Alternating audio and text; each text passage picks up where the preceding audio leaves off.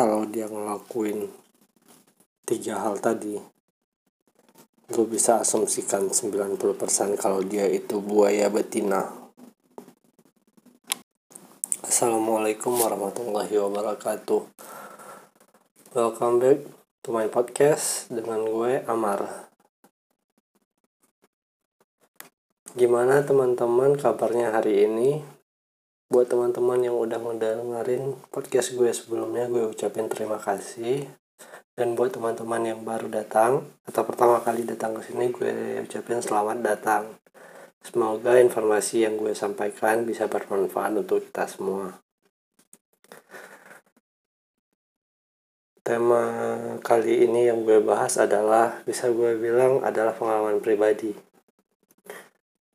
Jadi ini tentang diri gue yang pada dasarnya jarang melakukan pendekatan pada eh, cewek-cewek. Uh, Buat informasi gue ini tipenya lumayan cuek, jadi pada waktu SMA gue lebih menikmati dunia gue sendiri di permangaan atau komik dan di waktu kuliah status gue itu mahasiswa kupu-kupu kuliah pulang kuliah pulang sesekali mejeng dan nggak jarang ke warnet jadi kuah-kuah kali ya. Kuliah warnet kuliah warnet. Jadi selama SMA dan kuliah gue nggak terlalu banyak uh, fokus pada tema percintaan. Walaupun sempat ada beberapa yang ya bisa dibilang ngelakuin pendekatan tapi gue juga nggak terlalu menanggapinya dengan serius. Karena pada dasarnya pada uh, di daerah tinggal gue di daerah Aceh cewek itu jarang yang sifatnya aktif dan nggak seperti sekarang. Dulu masih lumayan malu-malu buat kalau cewek yang maju duluan jadi cowoknya yang maju. Kalau sekarang kayaknya emansipasi sudah mulai benar-benar nyata di dunia. Oke, jadi yang mau gue bahas kali ini adalah tiga hal yang diperhatikan untuk mengetahui kalau misalnya lawan PDKT muka PDKT kamu itu buaya betina.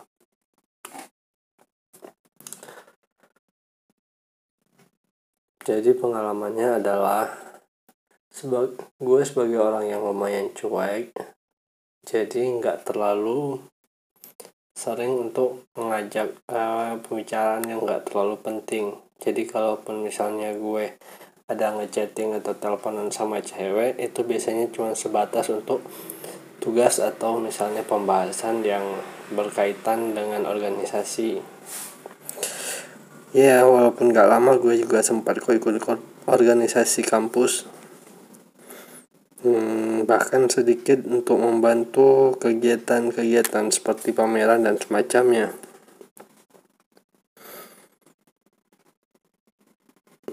bahkan gue menduduki posisi wakil selama lebih kurang 4 tahun menjabat.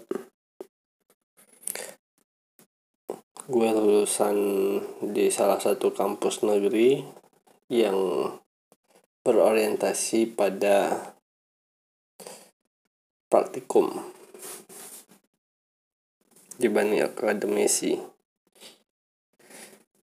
Jadi bisa dibilang walaupun gue tipe yang kuah-kuah kuliah warnet seenggaknya IPK gue masih di atas tiga. Jadi gue nggak bego-bego amat deh.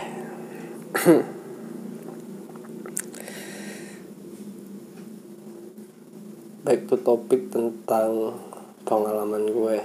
Jadi untuk soal cewek gue nggak terlalu ya bisa dibilang nggak terlalu buta buta buta amat soal cewek.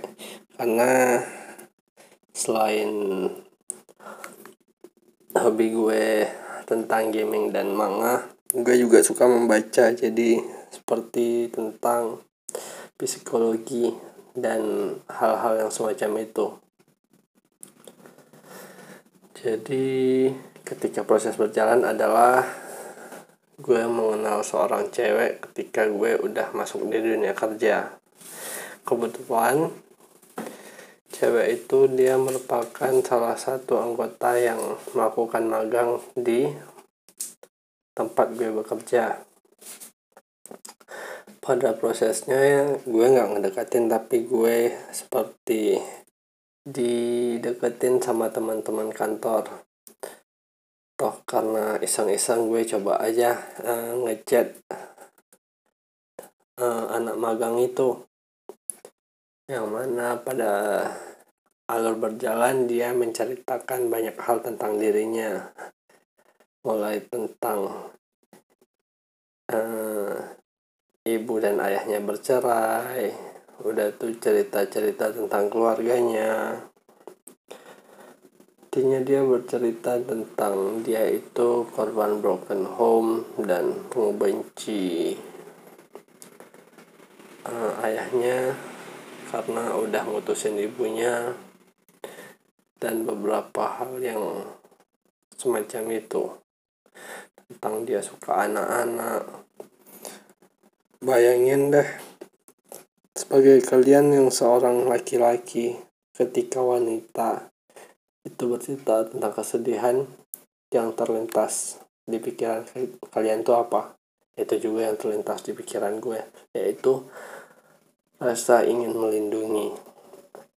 Dan karena sifat dia yang terbuka dan gue juga masih awal-awal mengenal cewek sebelum untuk informasi sebelum sama dia gue juga kenal sama satu cewek yang lain yang intinya kayaknya dia suka sama gue tapi gue nggak ya nggak benci juga tapi ya nggak ada rasa aja.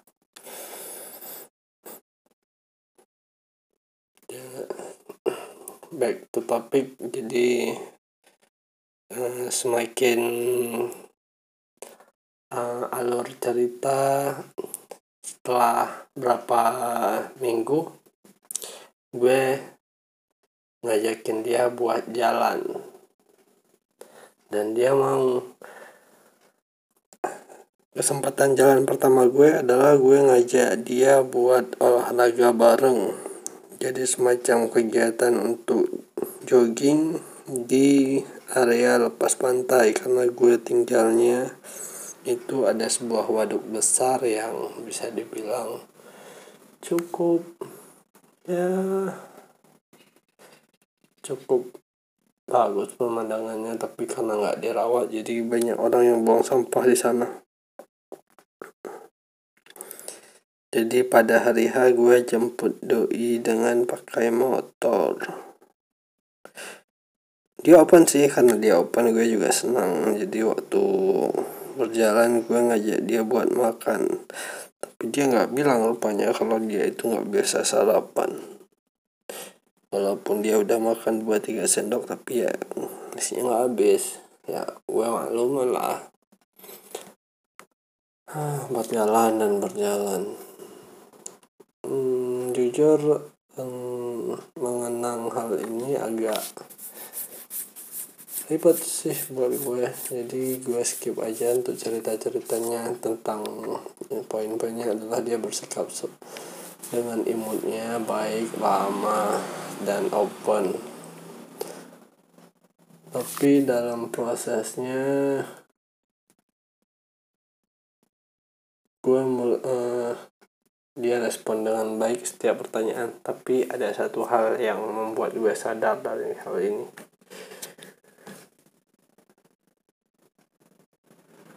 Gue rasa karena dia juga masih belum boya-boya amat atau masih karena nalurinya itu yang masih ya masih terlalu kanak-kanakan ya.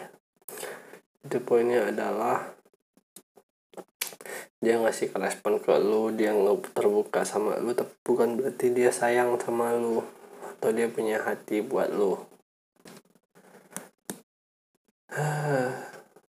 pembahasan seperti ini tidak menyenangkan untuk dibahas bro.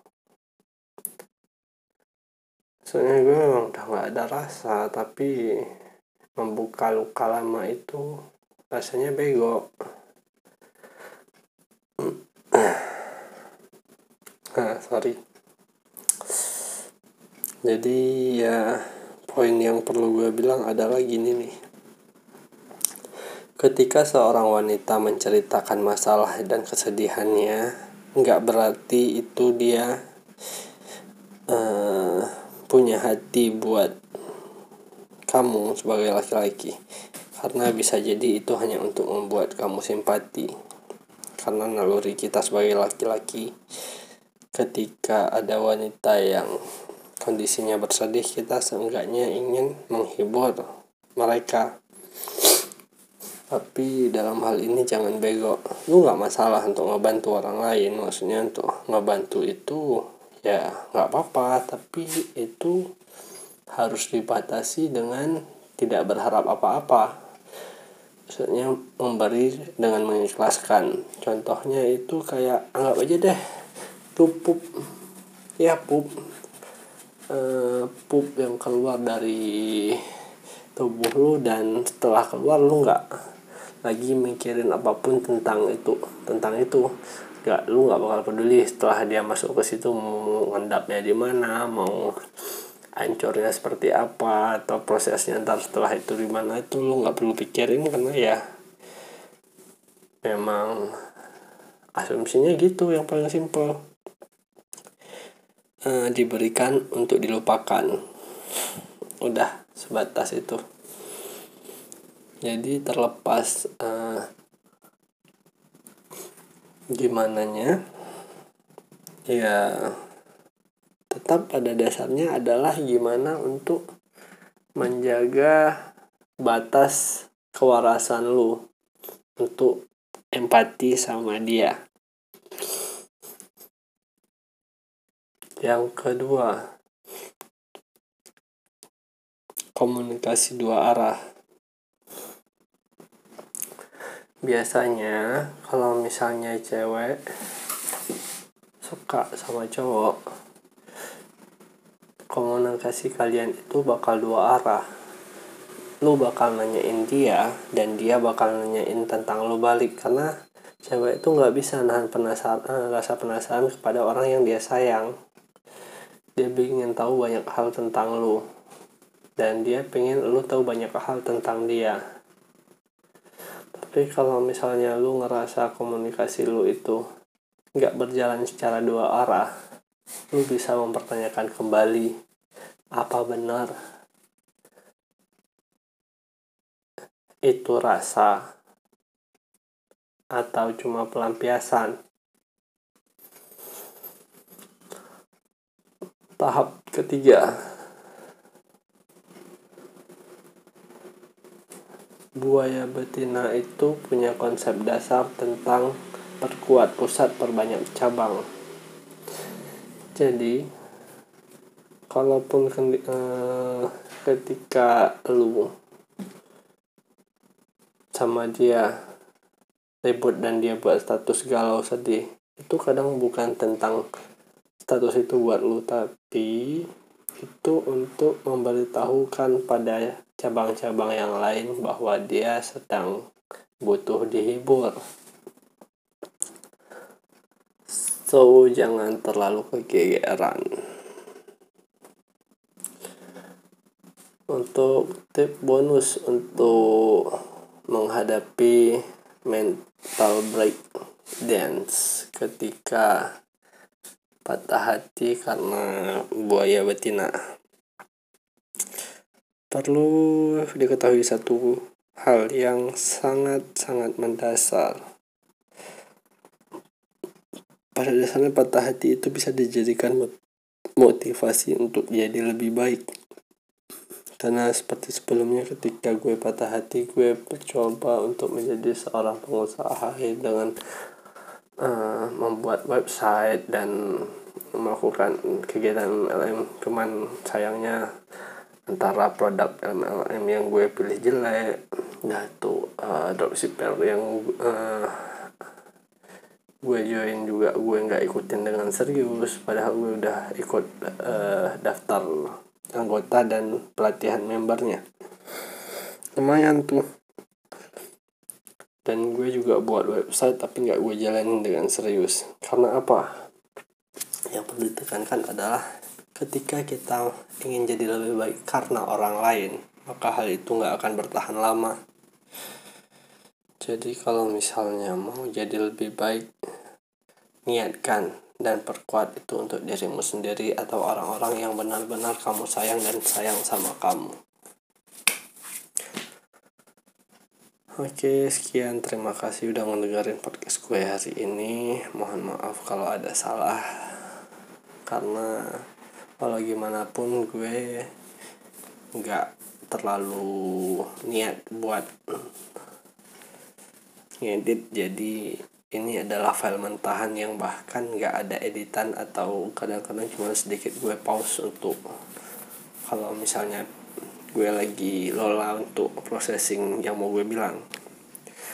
Oke sekali lagi terima kasih buat yang udah kenalin sampai ngedengerin sampai selesai. Kalau misalnya kalian ada pertanyaan atau ada komentar tentang sesi kali ini kalian bisa bantu untuk di follow up ke Twitter atau Instagram gue di kalau di Instagram itu mq.amar dan di Twitter di mq.amar juga cuman pakai double R amar oke Terima kasih sudah mendengarkan. Assalamualaikum warahmatullahi wabarakatuh. See you.